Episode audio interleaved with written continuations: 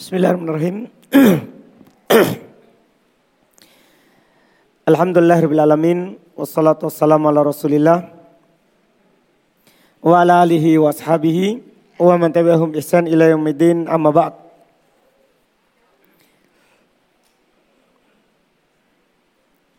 Alhamdulillah kita bersyukur kepada Allah Subhanahu wa taala di kesempatan ini kembali kita melanjutkan kajian kitab Matan Abi Suja dalam fikih Syafi'i. Di malam hari ini alhamdulillah kita akan masuk pembahasan syarat sahnya solat sebelum masuk ke gerakan atau bacaan solat. Kata beliau rahimahullahu taala faslun pasal wa syaraitu wa syaraitu salati qabla ad-dukhuli fiha khamsatu asya'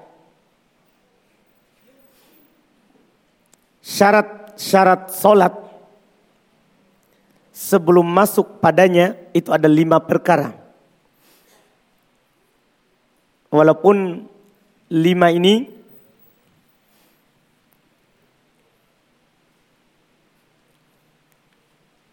ada yang belum nanti jadikan sebagai inti pembahasan dan beliau ikutkan beberapa masalah yang ikut terhadap lima masalah ini. Jadi beliau ingin jelaskan kepada kita di sini hal-hal yang harus kita lakukan sebelum sholat. Yang kalau kita tidak lakukan, maka sholat kita tidak sah. Itu disebut syarat. Itu yang disebut dengan syarat. Dan beliau akan sebutkan lima. Dan semua yang beliau sebutkan ini lima ini disepakati oleh para ulama tidak ada silang pendapat. Sebagai syarat sahnya solat. Apa saja itu dan apa dalil dari yang beliau sebutkan Pertama kata Al-Qadi Abu Suja rahimahullah taharatul a'da a'dha'i minal hadat wan najas. Suci al-a'dha anggota badan kita dari hadas dan najis. Bahkan bukan hanya anggota badan. Disepakati juga pakaian harus suci dari hadat dan najis. Juga tempat kita sholat harus suci dari najis. Jadi bukan hanya badan. Itu semua disepakati. Dalil dalam masalah ini sangat banyak. Kalau terkait dengan najis, demikian pula hadas. Kita sebutkan sebagai contoh misalnya dalil yang dipakai oleh para ulama dalam kesepakatan ini adalah hadis Abu Hurairah radhiyallahu taala anhu yang diriwayatkan oleh Al Imam Al Bukhari dan Imam Muslim.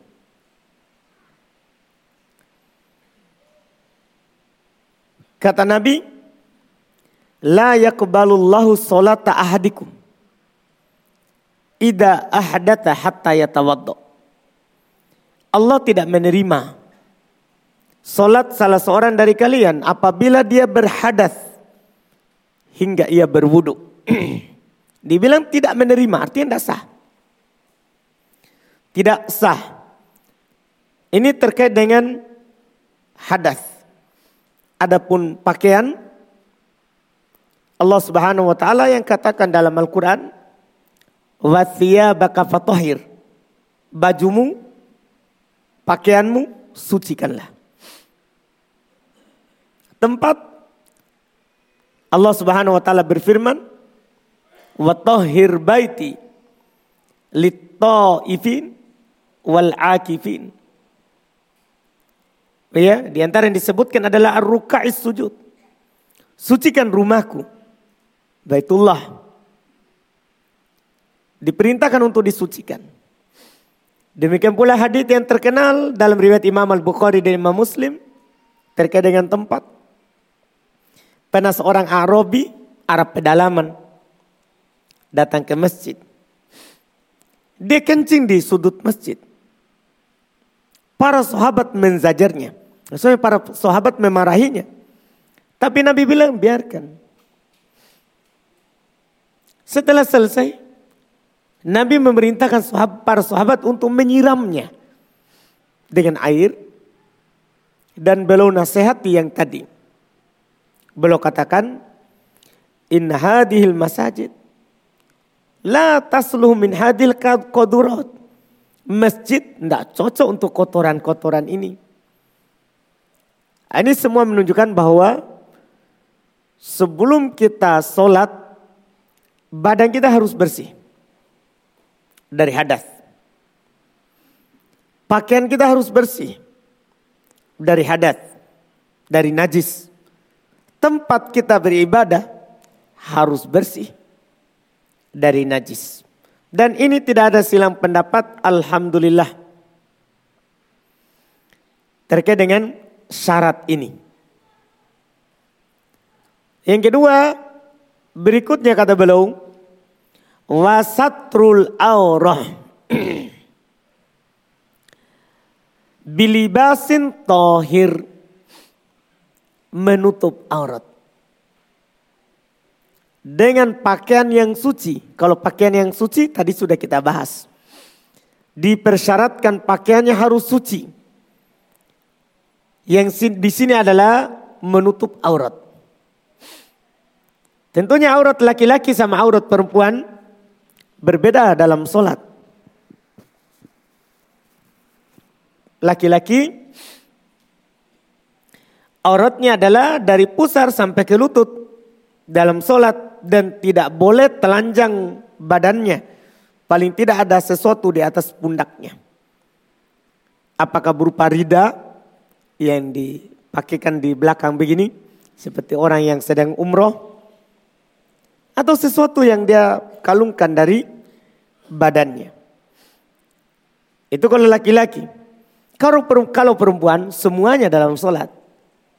Kecuali wajah ini disepakati. Wajib dia buka. Perempuan. Dan telapak tangan ini diperselisihkan. Apakah kalau kelihatan sah sholatnya seorang perempuan atau tidak? Syekhul Islam Taimiyah katakan sah. Karena tidak ada dalil yang menunjukkan batalnya kalau telapak tangan. Kalau punggung tangan batal. Ini yang diringankan. Wajib dia menutup auratnya. Ini syarat sah. Kalau ada orang sholat, dia tidak menutupi auratnya, batal. Iya, ini tentunya kata para ulama kalau dia mampu melakukannya. Adapun kalau dia tidak mampu, dia dalam keadaan tidak punya pakaian, tidak bisa juga dia beli, tidak ada orang tempat dia meminjam, maka boleh dia sholat sesuai dengan kemampuannya. Boleh dia sholat sesuai dengan kemampuannya. Karena Allah Subhanahu wa taala berfirman, "Fattaqullaha mastata'tum." Bertakwalah kalian semampu kalian. Demikian pula Nabi SAW bersabda, "Idza amartukum bi amrin fa'tu minhu mastata'tum. Kalau saya perintahkan kalian dengan suatu perintah, lakukan semampu kalian. Nah, ini tadi ini yang mampu. Syarat sah solatnya menutup aurat. Diperintahkan di dalam Al-Quran. Kata Allah subhanahu wa ta'ala, Ya bani Adama, khudu zinatakum inda kulli masjid. Wahai anak Adam, pakailah pakaian kalian ketika setiap mau sholat. Setiap mau sholat. Juga Nabi SAW bahkan katanya siapa yang hanya punya satu pakaian. Faliyal tahif bih. Hendaklah dia berselimut dengannya. Kalau hanya punya satu pakaian. Ini menunjukkan wajibnya hal tersebut. Khusus perempuan dalam hadis riwayat Imam At-Tirmidzi dan dikatakan oleh Imam Al-Hakim ala syarti Muslim sesuai dengan syarat dari Imam Muslim sanatnya. Kata Nabi SAW, La yakbalullahu salata ha'idhin illa khimar. Allah Subhanahu wa taala tidak menerima solat seorang perempuan yang sudah haid, maksudnya sudah balik. Kecuali dengan memakai khimar. Khimar yang dipakai dari atas kepala sampai ke dada menutupi ke bawah. Iya. Yang menutupi kepala ke bawah. Ini dalil-dalil akan apa yang belum sebutkan. Dan ini tentunya juga disepakati. Disepakati. Bahwa di dalam sholat seorang harus menutup auratnya dengan pakaian yang suci. Dengan pakaian yang suci. Berikutnya syarat ketiga. Wal wukuf ala makanin tohir. Berdiri di atas tempat yang suci. Kalau tempat yang suci tadi sudah disepakati. Berdirinya di sini. Berdiri di dalam sholat. Dan yang diinginkan dengan berdiri di sini maksudnya seperti yang kita pahami. Seperti yang kita pahami. Berdiri lurus. Bukan berdiri dengan bersandar atau semisalnya. Iya. Karena sebagian ulama mengatakan kalau berdirinya hanya mampu bersandar, dia, dia, dia dianggap tidak mampu. Dia duduk. Dia duduk. Dan berdiri dalam solat juga termasuk hal yang disepakati, tapi sholat wajib. Yang syaratnya ini berdiri, sholat wajib. Adapun sholat sunnah, boleh kita duduk walaupun mampu berdiri. Itu juga disepakati. Jadi harus dipisahkan antara sholat wajib dan sholat sunnah. Sholat wajib, selama kita mampu berdiri, harus berdiri. Siapa yang duduk, padahal dia mampu untuk berdiri, batal sholatnya. Karena Allah subhanahu wa ta'ala perintahkan dalam Al-Quran. Wa qanitin. Berdirilah. Untuk Allah subhanahu wa ta'ala. Dalam keadaan taat. Juga Nabi SAW bersabda dalam hadis yang diriwayatkan oleh Imam Al-Bukhari dari sahabat Imran ibn Husain Nabi SAW berkata kepadanya, Soli ko'imah. Solatlah kamu dalam keadaan berdiri. Fa'ilam tasati fakoida. Kalau tidak mampu, baru boleh duduk. Fa'ilam tasati, kalau tidak mampu juga, fa'ala jambin. Maka berbaring. Jadi tidak mampu baru boleh duduk. Tidak mampu duduk baru boleh berbaring. Ini kata Nabi kita Muhammad SAW. Iya. Ini terkait dengan berdiri. Yang keempat, wal ilmi bidukhulil waqt. Tahu telah masuk waktu. Ini juga syarat disepakati tidak ada silang pendapat. Bahwa syarat sahnya sholat harus waktu sudah masuk. Dan kita sudah lewat ya masalah waktu. Waktu duhur ketika matahari tergelincir. Waktu asar ketika bayangan sama dengan bendanya. Waktu maghrib ketika matahari terbenam. Waktu Isya ketika hilang cahaya warna merah di ufuk barat. Waktu subuh ketika terbit fajar. Ini awal waktu semuanya. Ini yang kami sebutkan itu awal waktu. Harus masuk waktu. Ini disepakati oleh para ulama rahimahumullah. Dan mereka bersepakat siapa yang sholat sebelum masuknya waktu batal wajib dia ulang. batal sholatnya wajib dia ulang. Ini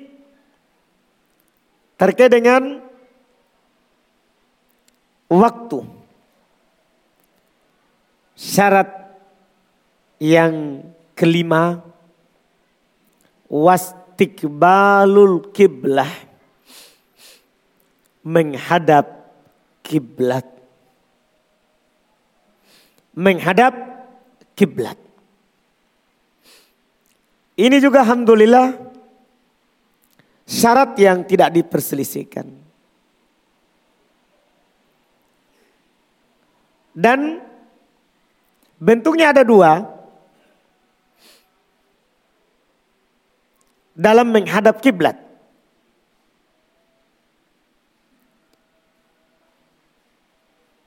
Keadaan pertama yang disebutkan oleh para ulama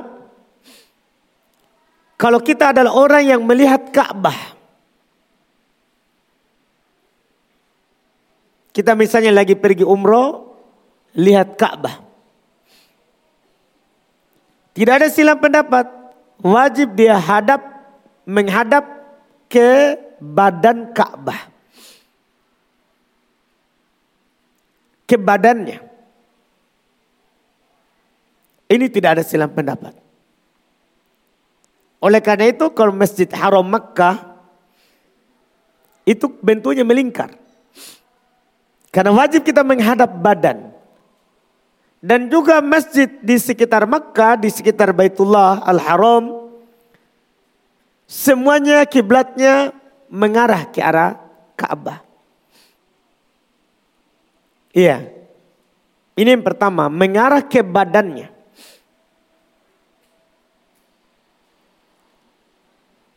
Keadaan kedua, kalau kita tidak melihat badan Ka'bah. Seperti penduduk Madinah dan penduduk negeri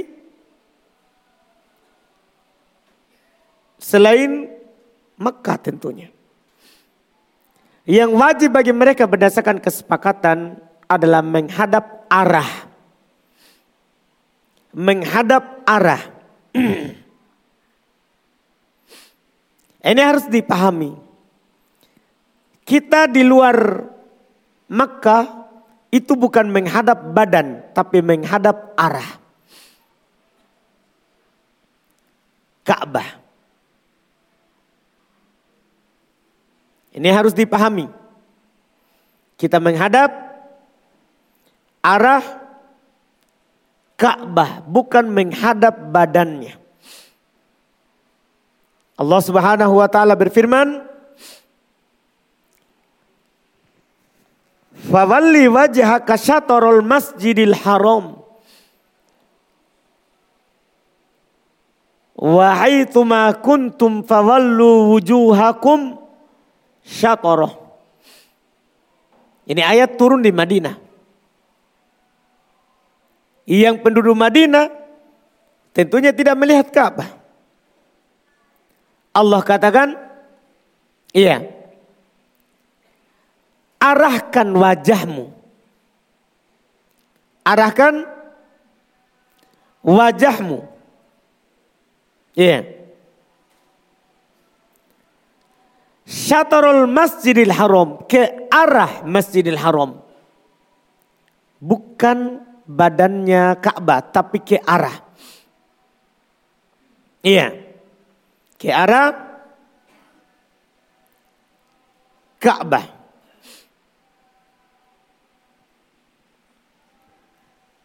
Ini yang harus kita pahami.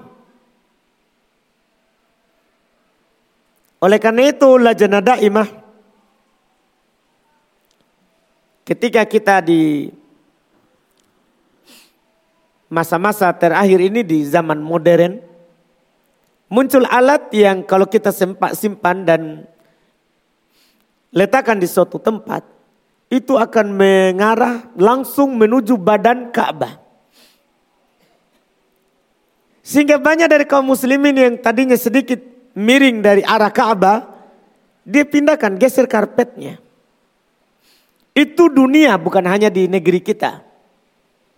Itu yang terjadi. Maka Lajnah Daimah keluarkan fatwa. Dengan pertanyaan yang sangat banyak seperti itu. Apakah ketika kita sekarang mengukur dengan alat yang canggih sekarang ini yang langsung menembak ke badan Ka'bah, kita harus geser ini karpet kita harus sesuai dengan badan Ka'bah? Mereka fatwakan itu disepakati oleh para ulama, tidak perlu kita menghadap arah. Selama arahnya masih ke sana, itu sudah pas. Karena kalau kita ikut badan Ka'bah, karena kalau kita ikut badan Ka'bah ini akan bermasalah. Akan bermasalah. Kenapa bermasalah? Iya. Kenapa bermasalah? Karena kalau kita misalnya di sebelah sini. Searah dengan badannya. Yang sebelah sana. Dan yang ujung sana gimana? Berarti harusnya kan dia miring begini. Sebelah sana harus miring begini juga. Supaya apa? Mengarah ke badannya. Mengarah ke badannya. Karena kalau Ka'bah, kita kalau melihat pembangunan dan lihat keterangan lebarnya Ka'bah, badannya itu disebutkan sekitar ya 11 ya 68 meter itu yang diukur badannya. Berarti dari mana itu yang 11? Dari mana ke mana di kita ini? Kalau lewat dari itu berarti kita tidak mengarah ke badannya lagi. Harusnya kita akan miring sebelah sana, sebelah sana juga akan miring. Ini mempersulit. Makanya karena itu sulit dilakukan Allah hanya bebankan kita untuk mengarah ke arahnya. Bukan ke badannya. Dan kita di Indonesia ini Alhamdulillah sangat dimudahkan. Karena matahari berjalan di atas Ka'bah. Berjalan ke atas di atas Ka'bah. Artinya kiblat kita arah terbenamnya matahari. Mudah sekali. Walaupun tidak ada alat, kita cukup berdiri saja. Kan ketika matahari turun akan membelakangi Ka'bah. Dia akan, eh ini kan, ini benda akan menghadap ke Ka'bah. Matahari turun bayangannya pasti ke sana. Yang berlawanan dengan Ka'bah. Yang berlawanan dengan Ka'bah. Maka ke arah situlah, arah bayangan ini, itulah arah kiblat. Itu dimudahkan. Itu dimudahkan. Kita tidak perlu mempersulit diri. Makanya orang-orang yang mempergeser, yang menggeser tadi itu, para ulama fatwakan itu tidak diperlukan. selama badan kita masih mengarah ke arah kiblat, itu sah. Beda kalau berlawanan arah, kiblatnya ke sini kita malah menyamping. Nah, itu yang salah. Karena kalau badan ini sudah serong menyamping dari kiblat, batal sholat. Batal sholat. Dan yang dimaksud adalah sholat wajib. Karena sebentar beliau akan sebutkan sholat sunnah tidak. Boleh kita sholat, sholat sunnah, menghadap ke mana kendaraan kita menghadap. Ini yang perlu diketahui dan ini yang disinggung oleh para ulama kita sekarang ini. Karena banyaknya orang kadang menggeser karpetnya. Padahal sudah mengarah ke arah kiblat. Cuman mereka mau arahkan ke badan Ka'bah. Beda ceritanya, beda pembahasannya orang yang melihat Ka'bah sama orang yang tidak melihat Ka'bah. Itu beda. Iya, itu beda. Oleh karena itu, di dalam hadis Nabi SAW di orang yang salah solatnya itu kan terjadinya di Madinah. Nabi katakan kepadanya, Fastakbilil kiblata fakabir. Menghadaplah ke kiblat dan bertakbirlah. Menghadaplah ke kiblat dan bertakbirlah. Ini perintah Nabi SAW kepadanya. Ini Masya Allah, ini syarat kelima dan sebagai syarat terakhir yang belum sebutkan. Di dalam pembahasan syarat solat. Dan belum katakan setelahnya cabang dari masalah kiblat. Wa yajuzu tarkul istiqbal fi halatain. Boleh untuk tidak menghadap ke kiblat pada dua keadaan. Pertama, fi syiddatil khauf. Di keadaan yang seorang itu sangat takut dalam keadaan dia sangat takut. Seperti apa misalnya kapan itu terjadinya? Disebutkan oleh para ulama idal tahamal kital kalau perang berkecamuk. Kalau perang berkecamuk. Allah Subhanahu wa taala katakan fa in khiftum farijalan aw rukbana Apabila kalian dalam keadaan takut, maka sholatlah dalam keadaan berjalan kaki atau berkendaraan. Tentunya ini maksud sholat wajib. Sholat wajib. Berkata Ibn Umar radhiyallahu taala anu dalam menafsirkannya, menafsirkan ayat tadi. Mustaqbilil kiblata wa ghairu mustaqbiliha Kalian menghadap ke kiblat atau tidak? Kalian menghadap ke kiblat atau tidak? Iya. Ini kalau tidak memungkinkan untuk sholat. Ketika perang. Adapun kalau memungkinkan untuk sholat. Ya. Maka ada beberapa keadaan atau bentuk cara sholatnya. Nanti akan datang pembahasannya insya Allah juga di sholat saat takut ketika perang. Anak kasih tahu saja dulu untuk tahap dasar. Tergantung dari posisi musuhnya. Jika musuhnya di arah kiblat, ini paling mudah di arah kiblat. Maka dan dia belum menyerang ya, kalau lagi menyerang dan tidak bisa ditinggalkan, sholat. Takbir saja sambil perang, sambil menebas, boleh. Dalam jalan kaki, lari, boleh. Tapi sekarang perangnya lagi berhenti, tapi dikhawatirkan. Karena kadang orang kafir seperti di zaman Nabi SAW, Sebelum Khalid ibn Walid masuk Islam. Mereka orang-orang musyrikin bisikan tapi turun wahyu kepada Nabi kita. Sebentar kita tunggu. Sebentar mereka akan melakukan sesuatu yang lebih berharga daripada perang. Mereka tidak akan meninggalkannya itu akan melakukan solat. Mereka ingin menyerang Nabi saat mereka solat. Nabi turunkan, Allah Allah Subhanahu wa taala turunkan wahyu kepada nabinya tentang ucapan mereka itu. Maka ada dua bentuk Nabi SAW sholat. Waktu musuh di arah kiblat, semuanya sholat. Dua soft, soft yang panjang. Nabi bertakbir, hadap kiblat. Karena musuhnya di arah kiblat. Para sahabat juga bertakbir. Nabi ruku, semua mereka ruku. Semua mereka ruku. Nabi sujud, maka soft pertama yang sujud. Soft kedua tetap berdiri dari ruku.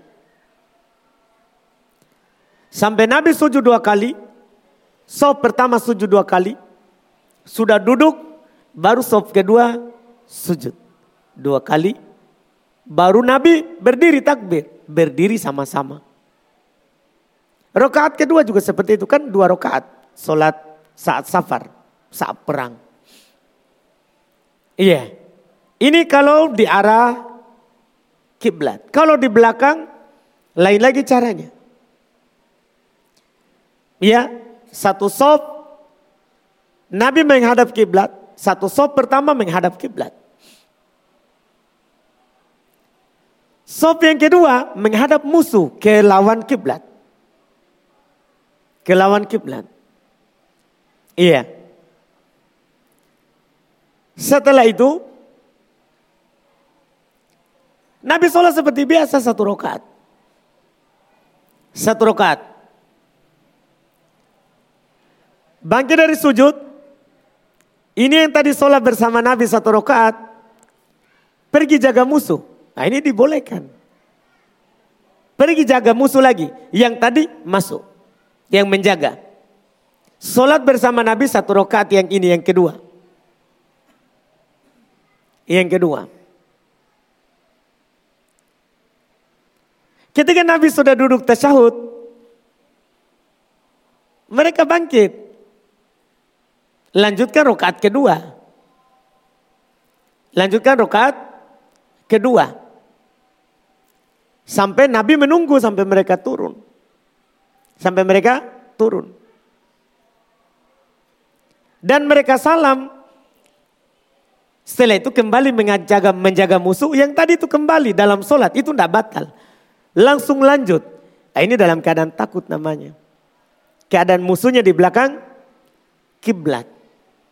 Nah, ini dibolehkan. Ini keadaan boleh tidak menghadap kiblat. Kadang kita pergi berpaling dari kiblat. Iya. Dan disebutkan oleh para ulama dalam keadaan ini tidak mengapa walaupun banyak bergerak. Tidak membatalkan sholat. Ini keadaan perang. Demikian pula Masya Allah di antara yang disebutkan oleh para ulama eh, terkait dengan adanya kuto at-torik. Kalau ada perampok di jalan. Ada perampok di jalan. Boleh juga kita sholat sesuai dengan keadaan. Iya. Tergantung di mana perampoknya datang. Boleh kita menghadap sana. Walaupun berlawanan dengan apa? Kiblat. Ini namanya keringanan di dalam syariat. Ini keadaan pertama. Keadaan kedua, wan nafilati fis safari ala rohila Sholat sunnah dalam safar di atas kendaraan. Sholat sunnah dalam safar di atas kendaraan. Ini Masya Allah Alhamdulillah termasuk masalah yang kedua dikecualikan karena memang ya datang haditnya dalam riwayat Imam Al-Bukhari dan Imam Muslim dari Ibnu Umar radhiyallahu taala anhuma kata beliau kana Rasulullah sallallahu alaihi wasallam yusalli ala rahilati fi safar haitsuma tawajjahat bih adalah Rasulullah wasallam salat di atas kendaraannya dalam perjalanan safar ke mana arah kendaraannya. Ke mana arah kendaraannya. Dalam riwayat Imam Al-Bukhari Bahkan lebih jelas lagi. Kata beliau yusolli ala dhahri rohilati. Nabi sholat di atas punggung kendaraannya. Di atas punggung kendaraannya. Haitu tawajjahat bih. Di mana kendaraannya mengarah. Iya. Kalau sholat wajib. Wajib turun, wajib berhenti. Kalau memungkinkan. Itu disepakati. Maksudnya kalau kita naik mobil kan mungkin turun. Mungkin berhenti. Wajib turun. Tidak boleh di atas kendaraan. Kalau tidak memungkinkan dan akan keluar waktu. Ya kita sholat di atas keadaan itu. Berdalil dengan dalil umum. Fattakullah mastata'atum. Bertakwalah kepada Allah semampu kalian. Kasus contoh misalnya seorang berada di atas pesawat Kan tidak bisa turun ke darat. Dia turun malah nanti jatuh. Kan begitu. Kalau dia khawatir akan keluar waktu kalau dia tunggu sampai. Ya. Maka dia sholat di atas pesawat. Ini tadi kalau dia tidak bisa majukan. Kan sebenarnya dalam keadaan seperti ini bisa dia majukan kalau sudah masuk waktu di awal. Maksudnya gini, dia akan safar naik pesawat setelah sholat duhur. Boleh dia majukan asarnya di waktu duhur. Dia sholat duhur baru sholat asar. Itu dia pertimbangkan. Itu dia pertimbangkan. Dan kalau belum masuk waktu, belum masuk waktu duhur, dia harus safar jam 11. Maka di sini dia akhirkan waktu duhurnya ke asar. Tapi kalau dia berangkat sebelum waktu dan akan turun dari pesawat setelah keluarnya waktu asar, bukan waktu duhur ya. Kalau waktu duhur, tidak apa-apa keluar kan boleh sholat di waktu asar. Jamak kosor, boleh jamak akhir namanya. Ini dia akan sampai naik jam 11 sampai maghrib, sampai isya. Nah ini darurat dia sholat di atas darurat dia sholat di atas. Demikian pula orang yang naik kapal laut. Kan tidak bisa turun. Mau turun ke mana air. Iya kan? Nah, ini juga dia perhatikan, dia lihat. Kalau dia tunggu sampai akan keluar waktu, sholat di atas keadaannya. Ya sholat di atas keadaannya. Nah, ini tadi yang diceritakan Walaupun kita mampu turun, tapi itu sholat sunnah, boleh kita sholat di kendaraan. Boleh kita sholat di kendaraan. Ini yang disebutkan dua keadaan yang dibolehkan untuk tidak menghadap ke kiblat. Untuk tidak menghadap ke kiblat. Ini alhamdulillah sudah jelas. Berikutnya kata beliau faslun pasal wa arkanus solati samaniyata ruknan.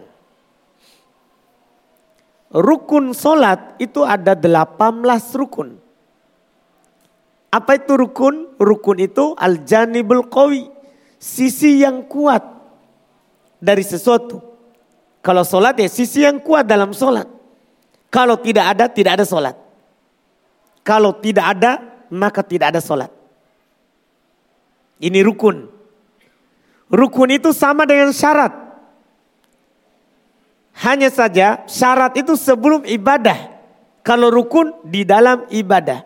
Oleh karena itu ada sebentar yang beliau sebutkan, sebagian ulama memasukkan itu di rukun, di syarat bukan rukun. Karena itu sebelum sholat. Sebelum sholat. Tapi di sini belum menggabungkan dalam rukun. Ada 18 kata beliau yang rukun. Sholat.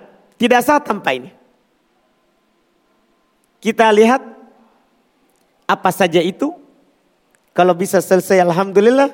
Kalau tidak maka tidak masalah. Karena di sebagiannya ada masalah yang kadang ketat pembahasan dan perselisihan. Pertama niat. Niat. Ulama rahimahullah sebagiannya memasukkan ini masalah syarat. Karena niat itu sebelum takbir, bukan setelah takbir. Tapi mau antum bilang syarat ataupun rukun harus ada.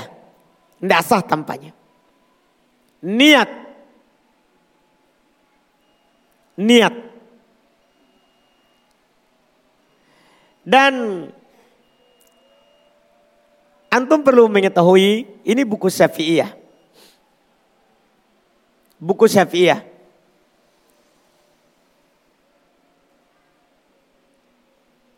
Niat itu disepakati oleh para ulama tempatnya hati. Bukan di lisan bukan dalam lafaz.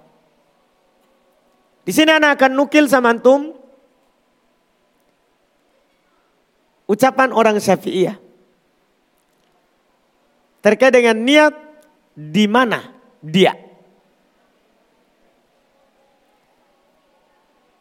Di sini dikatakan di antara buku yang anak pegang ini catatan penjelasan dari Imam Taqiyuddin Abu Bakar ibn Muhammad al-Husaini Ad-Dimashqi Asy-Syafi'i belum memberikan catatan terhadap matan Abi Suja sama-sama orang Syafi'iyah. Kan Abi Suja cuma bilang rukun solat niat. Belum cuma bilang begitu. Maksudnya niatnya itu di mana? Katanya wa'lam anna niyata fi jami'il ibadati mu'tabaratun bil qalbi.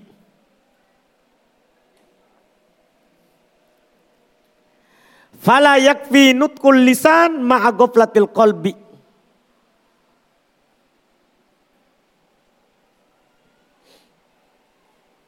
Iya.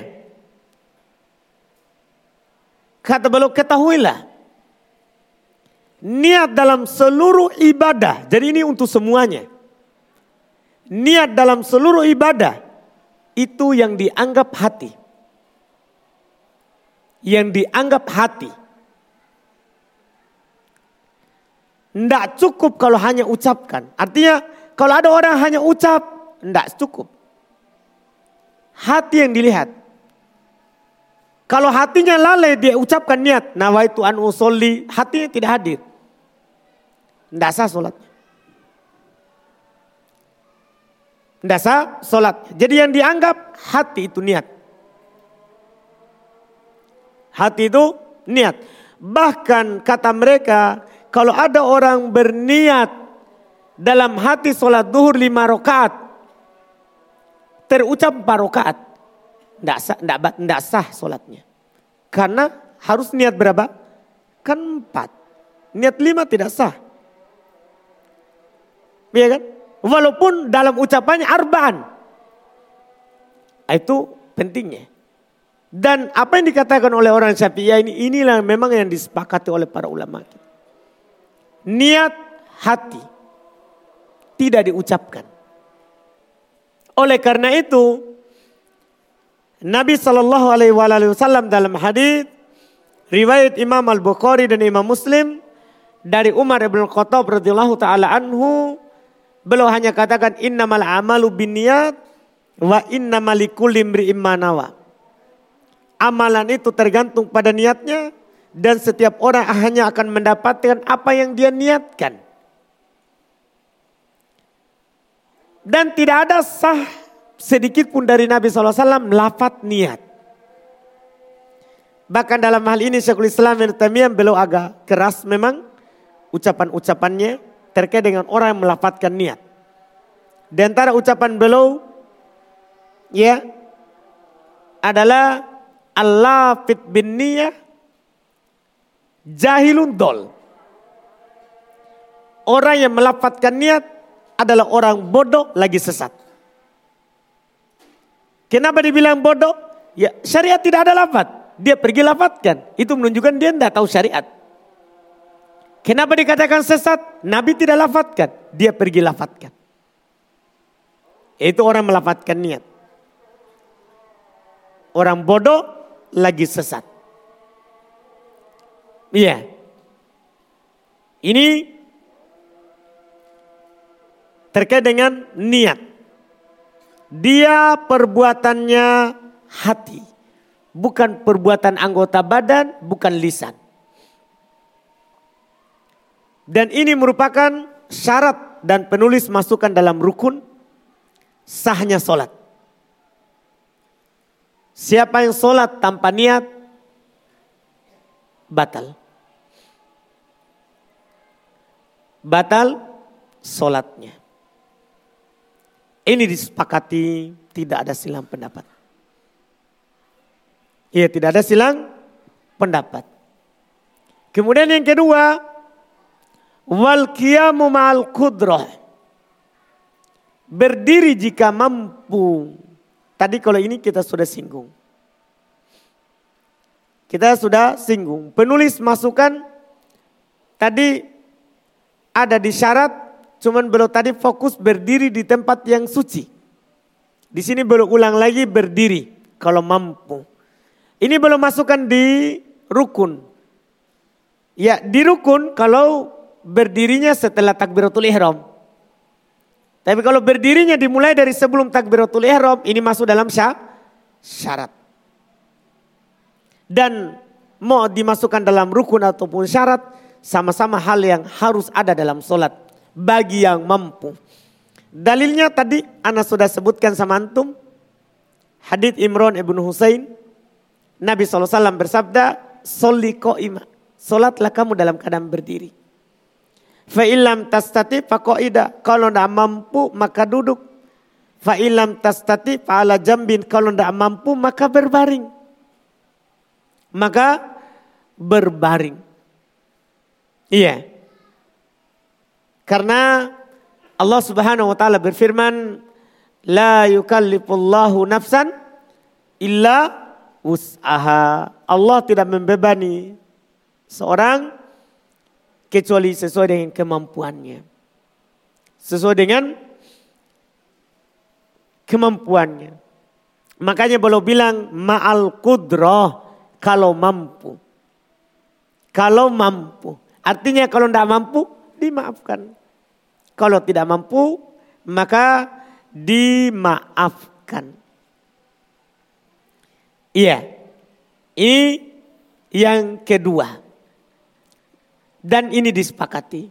Yang ketiga, wa takbiratul ihram. Ah, ini sudah masuk rukun betul. Takbiratul ihram. Takbir pertama. Takbir yang pertama. Dalil akan rukunnya sangat banyak. Takbiratul ihram ini. Di antaranya Hadith orang yang salah solatnya yang pernah ditegur oleh Nabi sampai tiga kali. Dia sholat pertama, salam kepada Nabi. Nabi bilang kepadanya, kembali kamu belum sholat, sholat lagi. Sholat lagi kedua ke, ke Nabi SAW, kembali kamu sholat, kamu belum sholat. Sholat ketiga sama lagi, kembali kamu belum sholat. Ketiga kalinya dia bilang, ya Rasulullah saya tidak bisa lagi lebih bagus daripada ini, ajarkan saya. Maka Nabi ajarkan kepadanya hal yang membuat solatnya sah. Di antara yang diucapkan oleh Nabi kepadanya. Ida kumta ila solati fa'as bigil wudu. Sumasak bilil kiblah. Fakabir. Apabila kamu berdiri solat, wudhu dulu sempurna. Setelah wudhu, hadap kiblat. Sesudah setelah hadap kiblat, bertakbirlah. Ini takbir pertama, namanya takbiratul ihram. Kenapa dibilang takbiratul ihram? Karena dialah yang mengharamkan kita untuk melakukan sesuatu selain perbuatan sholat. Selain perbuatan sholat. Ini takbiratul ihram. Dan lafadznya adalah Allahu Akbar. Tidak sah dengan yang lain. Ini bukan kesepakatan ya kalau ini. Karena ada pendapat dari orang Hanafiyah. Boleh diganti dengan lapat-lapat yang mengandung takdim pengagungan kepada Allah. Kalau Hanafiyah. Mereka bolehkan buka solat dengan Allahul A'zam. Kalau Hanafiyah. Allah Maha Agung. Tidak harus Allahu Akbar. Kalau Hanafiyah. Bahkan mereka boleh buka sholat dengan la ilaha illallah. Sunnah Allahu Akbar mereka. Boleh diganti. Tapi ini tentunya menyelisih hadis. Karena dalam hadis yang banyak. Misalnya di antaranya ya. Hadis yang diriwayatkan oleh Imam Ibnu Majah dan bahkan dikeluarkan oleh Imam Al-Bukhari semisal dengannya.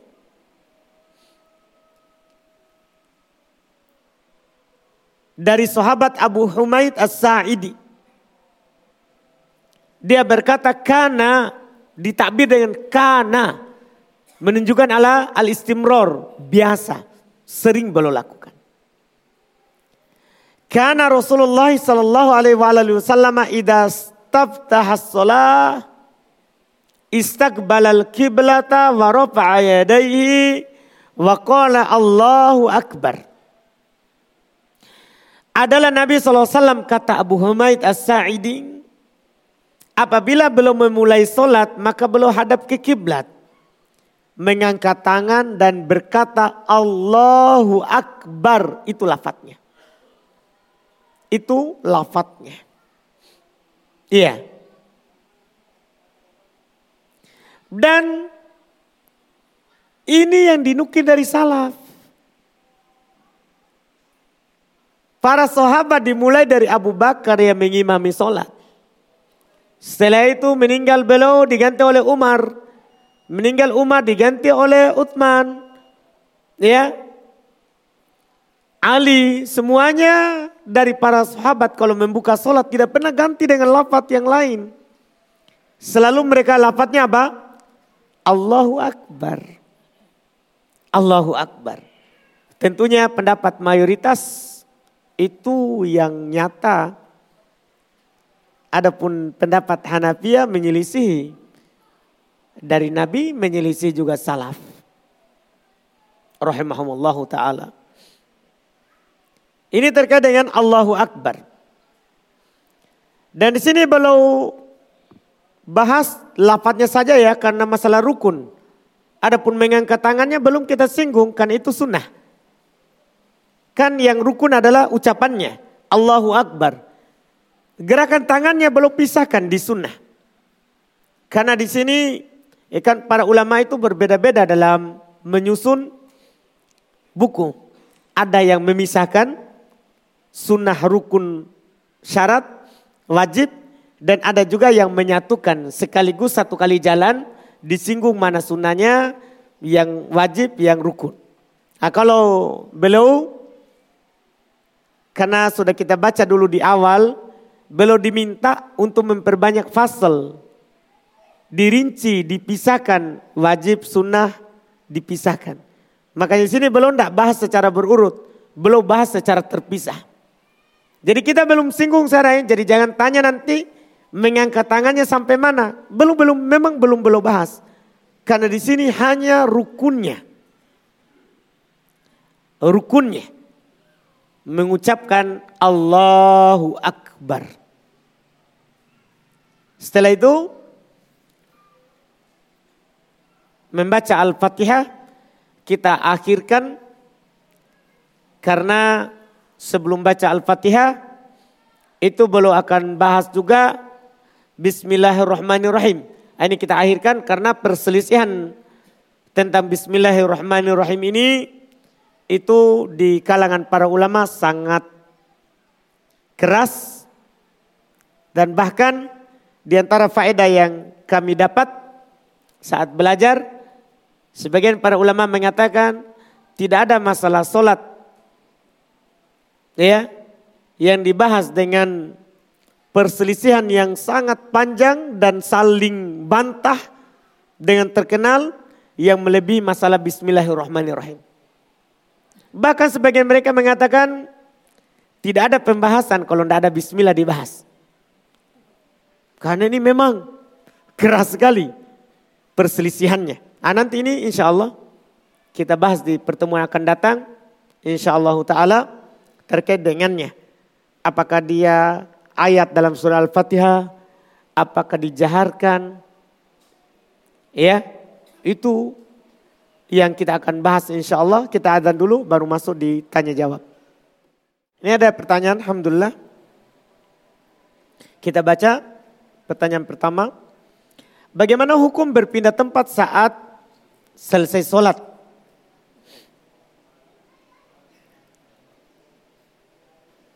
Fardu untuk sholat sunnah. Atau berpindah tempat dengan teman untuk sholat sunnah.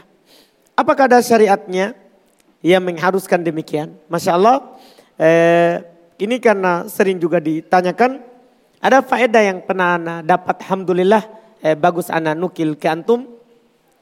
Terkait dengan berpindah tempat di sholat sunnah setelah sholat fardu. Eh, faedah yang Anda maksud adalah yang pernah Anda dapat eh, dari Syekh bin Bas rahmahullah. Jadi beliau ditanya, Idza kana yusolli wa yantafil kathiron ba'da kulli taslimatin ya'ti limakan. Jadi beliau ditanya, ada orang sholat dan dia melakukan sholat sunnah yang banyak. Setelah setiap kali salam dia berpindah.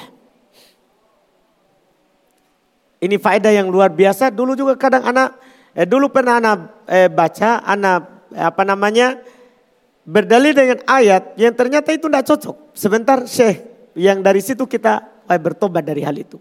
Ternyata salah pendalilan. Iya, dulu pernah anak katakan bahwa sunnah pindah tempat dengan dalil ayat yauma idin tuhadditu akbaroha. Pada hari itu bumi akan menceritakan apa yang dilakukan di atasnya. Ya kita berpindah-pindah supaya banyak yang bersaksi. Iya. Tapi sebentar yang membuat anak tidak pernah lagi mengatakan yang seperti itu. Iya. Jadi saya ditanya seperti itu. Gimana kalau ada orang sholat sunnah dia pindah? Pindah-pindah tempat. Ini jawaban membuat kita kaget. Saya pribadi. Belum bilang malahu aslun. Tidak ada asalnya. Tidak ada dasarnya. Jadi banyak orang, ada orang melakukannya tapi belum bilang tidak ada dasarnya. Yang bikin eh, serunya ini masalah, penanya bertanya lagi. Karena ini bertanya langsung. Iya. Hadithul Mughirah bin Syu'bah. Kan ada hadith Al-Mughirah bin Syu'bah. Nabi SAW katakan, Ayajizu ahadukum idha sholla ayyataqaddam au yata'akhir yamnatan au yusrotan. Apakah kalian tidak mampu kalau dia sholat untuk maju atau mundur atau ke kiri atau ke kanan. Saya bilang doif. Dan memang hadisnya doif. Hadis bahwa Nabi mengatakan maju atau mundur atau ke kiri atau ke kanan. Kalau mau sholat sunnah. Kata saya doif dan memang hadisnya doif. Kita tidak berdalil dengan hadis itu. Ketika beliau bilang doif, penanya bilang lagi, Fa'ala Ibn Umar ahsanallahu ilaikum. Ibn Umar lakukan. Semoga Allah berbuat memberikan kebaikan kepada kalian. Jadi ini penanya Dia sudah tahu ada dasarnya. Ada hadis, saya bilang doif. Baik, hadisnya doif. Ibnu Umar lakukan. Dan perbuatan sahabat kan hujah. Iya. Kalau tidak menyelisih nas, apa jawaban Syekh? Hada minajitihadihi. Ini ijtihadnya Ibnu Umar, bukan dalil. Ini ijtihadnya Ibnu Umar. Penanya lagi bilang, Afallahu ank. Semoga Allah memaafkanmu. Man istadal bihada. Ada orang yang berdalil dengan ayat ini. Yang ayat tadi yang anda sebutkan. Yauma idin tuhadditu akbaroha. Pada hari itu bumi akan menceritakan kabarnya. Yang dilakukan di atasnya. Lihat jawaban Syekh. Ini tadi yang anda bilang setelah itu saya tidak pernah lagi berucap dengan ucapan itu. Itu salah pendalilan. Syekh bilang, ya. Jadi penanya setelah menanyakan itu menyebutkan ayat itu dia berkata, bi anal insan yusolli bi idati amakin. Dengan ayat ini ya bagus kita sholat di banyak tempat supaya nanti banyak yang bilang bahwa ini hamba telah sholat sini, sholat sini, sholat sini, sholat sini. Kan eh, ini kan muncul dari apa? Persangkaan baik. Kan makin banyak tempat kita beribadah, maka akan makin banyak yang mengatakan bahwa nanti kita pernah melakukan ibadah di situ. Apa jawaban Syekh? Tetap belum bilang la malaha aslun. Tidak tidak ada dasarnya. Yusolli fi makani. Cukup dia sholat di tempatnya. Iya. Al ibadatu hiya mahia bil ikhtiar wala birra'i. Ibadah itu bukan dengan pilihan kita, bukan dengan pik pemikiran kita. Itu kata Syekh. Iya. Al ibadatu bin nusus. Ibadah itu dilakukan dengan nas. Ini untuk kita bekal sekali. Ibadah itu tidak boleh kita bergerak kalau tidak ada dalilnya. Bagus ayat tadi kan ayat. Tapi ternyata belum bilang. Nabi tahu juga itu ayat. Apakah Nabi berpindah-pindah? Para sahabat tahu ini ayat di surat apa? Surat apa ini ayat? Hmm? Surat Al-Zalzalah surat yang banyak kita hafal. Ida zulzilatil ardu zilzala. Kan ini ayat. Para sahabat tahu tapi mereka tidak lakukan.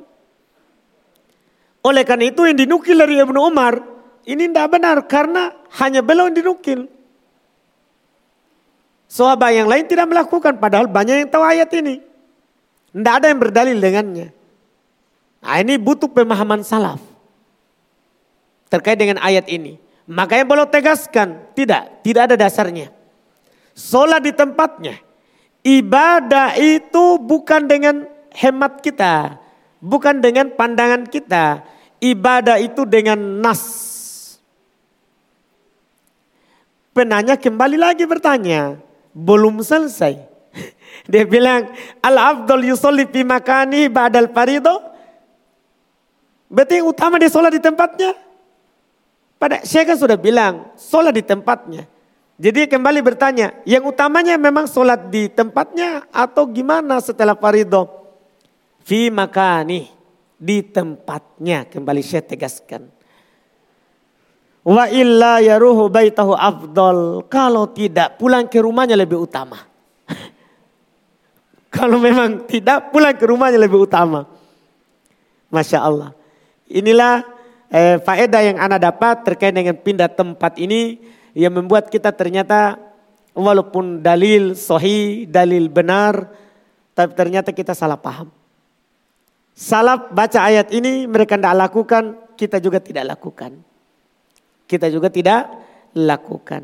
Jadi tidak ada dalilnya.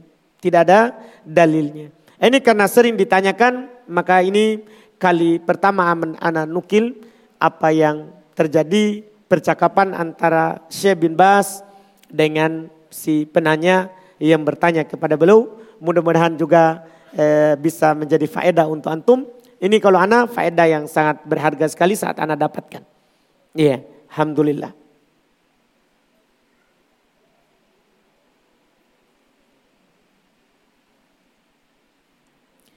Kemudian pertanyaan berikutnya, apakah boleh seorang wanita sholat menggunakan mukena yang tipis, menerawan, mukena travel? Tidak boleh.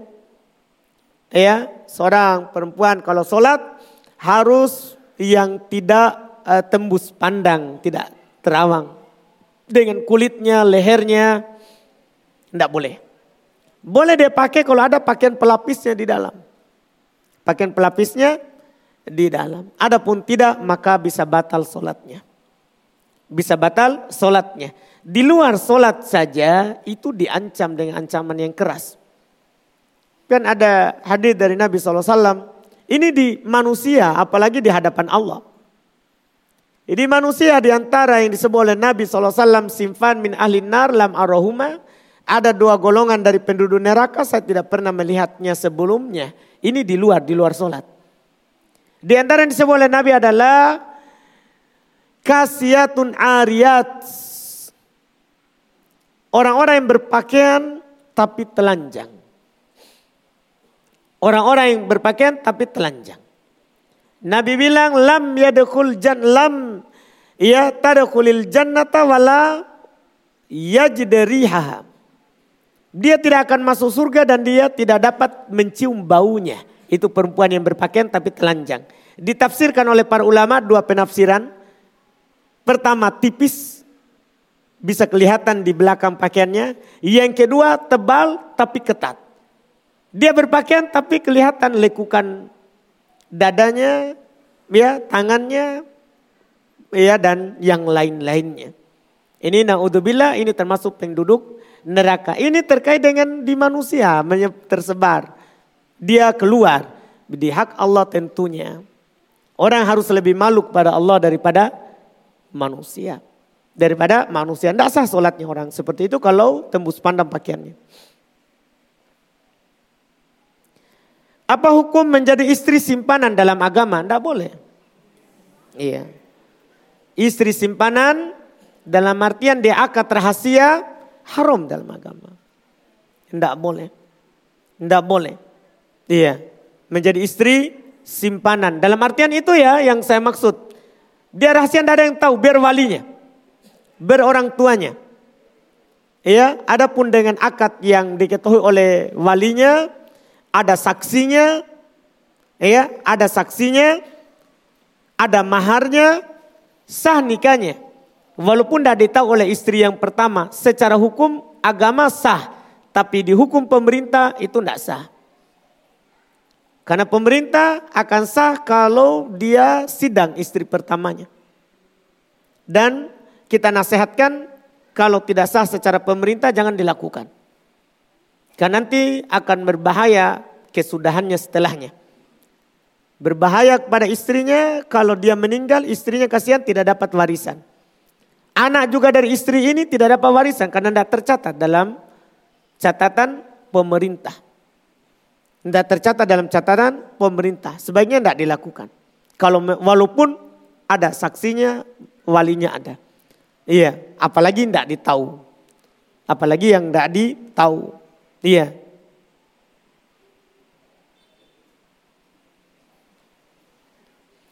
Bagaimana jika saat sholat, anak tanpa sadar setelah doa iftitah, anak langsung baca surah pendek. Anak tidak baca Al-Fatihah, kemudian anak tersadar. Apakah tidak mengapa Al-Fatihah dibaca belakangan? Kalau kita tidak sadar, boleh, tidak mengapa. Langsung kita ganti. Langsung kita baca Al-Fatihah. Tidak berdosa hal tersebut karena kita tidak sadar. Kita tidak mengingatnya. Ya, Dan kita langsung ganti saat mengingat. Kita langsung ganti saat mengingat. Dan itulah kafaronya. Itu tebusannya. Itu tebusannya wallahualam. Bagaimana kalau saat membaca Al-Fatihah kita lebih duluan dari imam. Kadang terlalu asik sehingga membaca duluan Al-Fatihah. Iya, tidak boleh, salah. Nabi SAW katakan, Inna maju ilal imam li bih. Imam itu dijadikan supaya kita ikut. bukan kita lombai. Ya kita ikut. Jadi kalau kita sadari hal itu, kita tidak sadar, setelah itu ternyata kita sadari berikutnya, kita kembali, kita ulang. Kita ulang Al-Fatihahnya setelah imam. Setelah imam. Kemudian berikutnya, siapakah yang bertanggung jawab menafkahi as, anak hasil zina? Apakah ayah atau ibunya? Sementara ayah dan ibunya masing-masing sudah berkeluarga. Mohon nasihatnya Ustaz. Ya kata Nabi SAW, al-walad li firash. Anak itu tanggungan yang punya tempat tidur. Ya asalnya ibunya disandarkan kepada ibunya dan ibunya yang membiayainya. Ibunya yang membiayainya. Iya.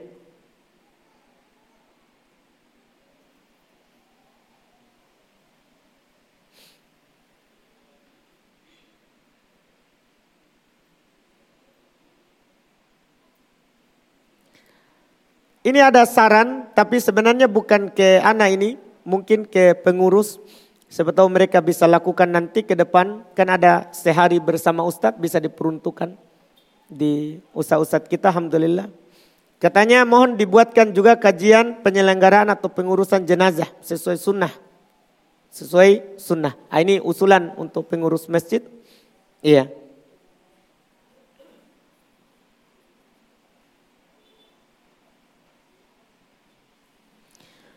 Apa hukum memakan sisa makanan di sela gigi pada saat sholat? Kalau itu bisa dipisahkan dengan ludah, batal sholatnya kalau sengaja. Karena ketika seorang makan dalam sholat, batal sholatnya. Itu kalau bisa dipisahkan. Kalau tidak bisa dilafatkan, dipisahkan dari air ludah, tidak apa-apa. Tidak membatalkan sholat. Jadi seharusnya tadi kalau ada seperti itu, dia buang. Dia ambil dengan tangannya, dia masukkan di kantongnya dia masukkan di kantongnya. Boleh.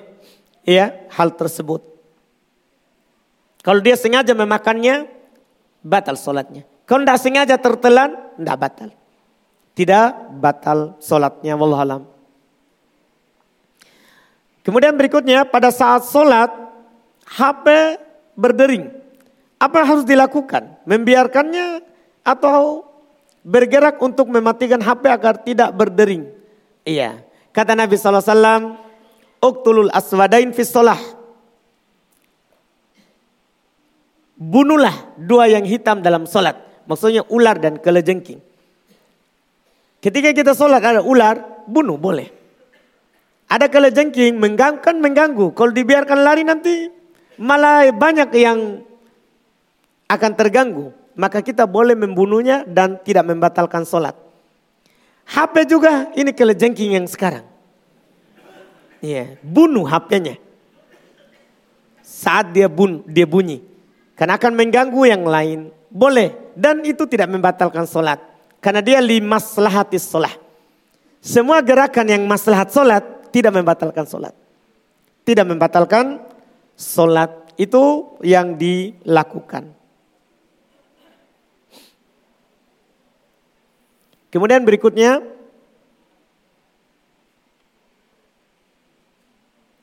Bagaimana sholat Nabi-Nabi sebelum Rasulullah Dalam sholat, apakah sholat di zaman mereka sama dengan sholat kita ini? Tidak. Ya, syariat mereka dalam Al-Quran kan berbeda-beda. Agama satu, yaitu Islam. Sama-sama mentauhidkan Allah, beribadah hanya kepada Allah. Tapi untuk semuanya punya syariat dan ajaran masing-masing. Tidak sama semuanya. Tidak sama semuanya. Iya. Mereka sholat sesuai dengan keadaan mereka. Dan saya tidak pernah membaca karena memang dalam agama kita dilarang membaca kitab sebelum kita. Karena pernah Umar membacanya, Nabi SAW menegurnya dengan keras. Nah, kita juga tidak boleh membaca kitab mereka. Iya, tidak boleh membaca kitab mereka. Jadi tidak perlu kita cari tahu. Cukup kita tahu bahwa semuanya menyembah Allah, ada solatnya juga, tapi solatnya berbeda-beda. Solatnya berbeda-beda.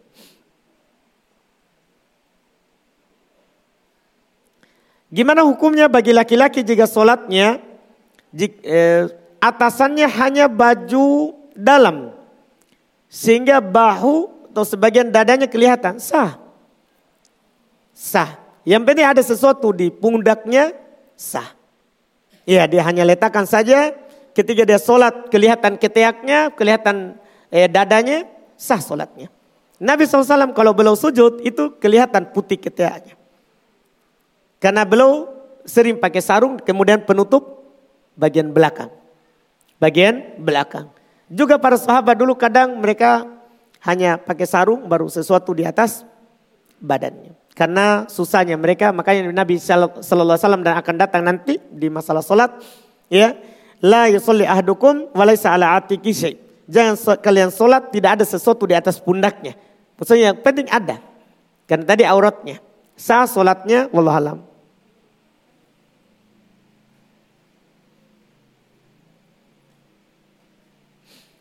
Bagaimana jika dalam keadaan sakit? Apakah perlu menghadap kiblat? Iya, kalau sholat wajib, wajib dihadapkan dirinya ke arah kiblat dan semampunya. Dan semampunya di sini. Iya, semampunya dia lakukan. Kapan waktunya? Kapan waktu boleh dijamak sholat ketika safar? Saat sudah rumah penduduk kampung kita terlewati. Perbatasan kampung kita sudah dilewati, di situ sudah mulai jamak kosor. Kalau belum keluar, maka hanya boleh jamak sempurna. Maksudnya kita misalnya mau ke daerah mana? Hah? Ke mana? Ke Pangkep, anggaplah ke Pare-Pare. Selama kita masih di Makassar, masuk waktu duhur, jamak sempurna.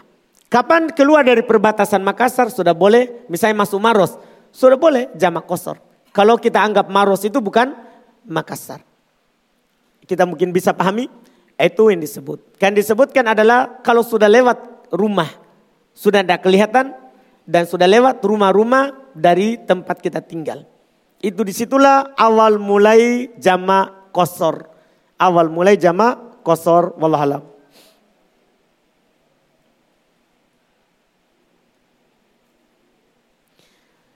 Apakah keutamaan sholat berjamaah bagi perempuan dan pahalanya lebih banyak dibandingkan sholat sendiri? Iya, keutamaannya sama dengan dijanjikan kepada laki-laki. Iya, bahwa orang yang sholat berjamaah lebih utama daripada sholat sendiri. Dalam hadis Nabi SAW jelas dinyatakan seperti itu sama.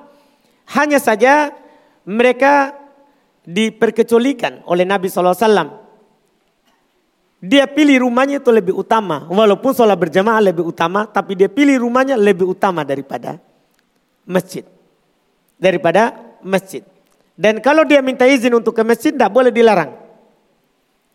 Karena dalam hadis riwayat Imam Al-Bukhari dan Imam Muslim, La tamna'u ima Allahi masajid Allah.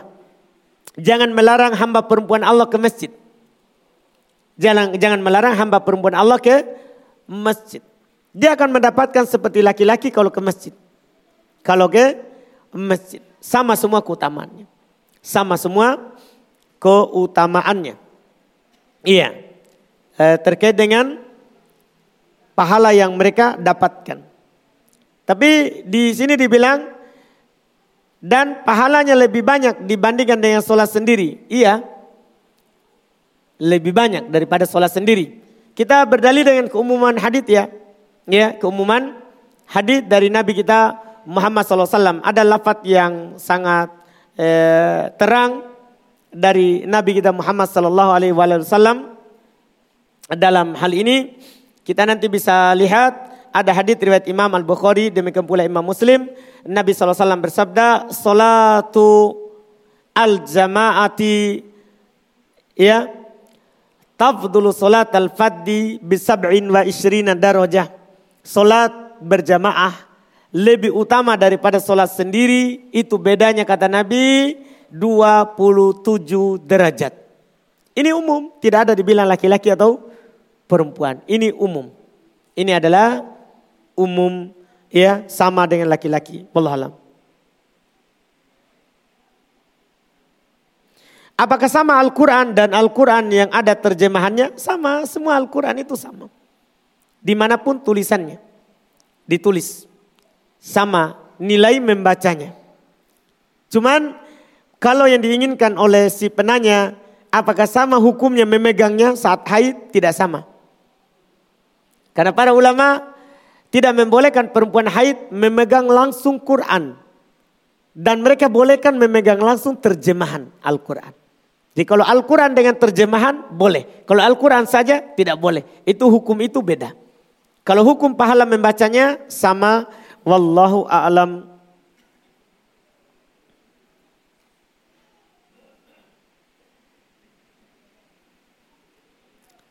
Apa hukumnya bila seorang makmum bergeser sendiri? Bergeser sendiri arah kiblatnya. Gimana itu? Yang mana imam dan makmum lain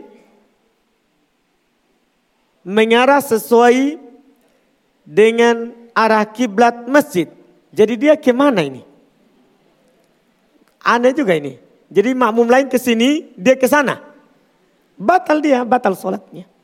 Tidak sah. Harus dia ikut dengan yang lain. Harus dia ikut dengan yang lain.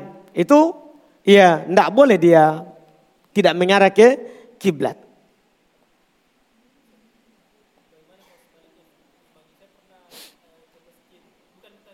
Hmm. Hmm.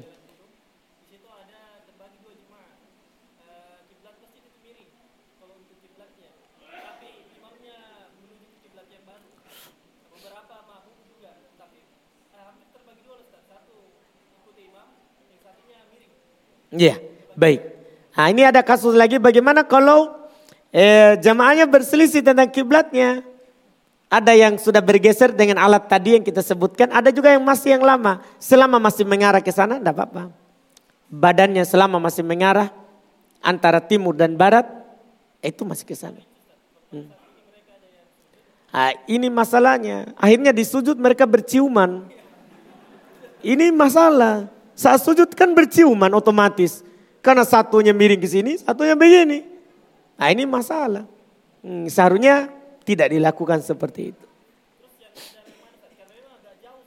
Hmm. Hmm. Hmm. Yang benarnya ikuti arahnya sekarang. Yang memang sudah dibenarkan. Ya daripada berselisih. Artinya kalau orang sudah miringkan karpetnya, itu diikuti. Jangan, wah eh, ini salah ini, saya tetap lurus. Jangan, ikuti orang. Ikuti orang. Jangan membuat yang baru. Iya.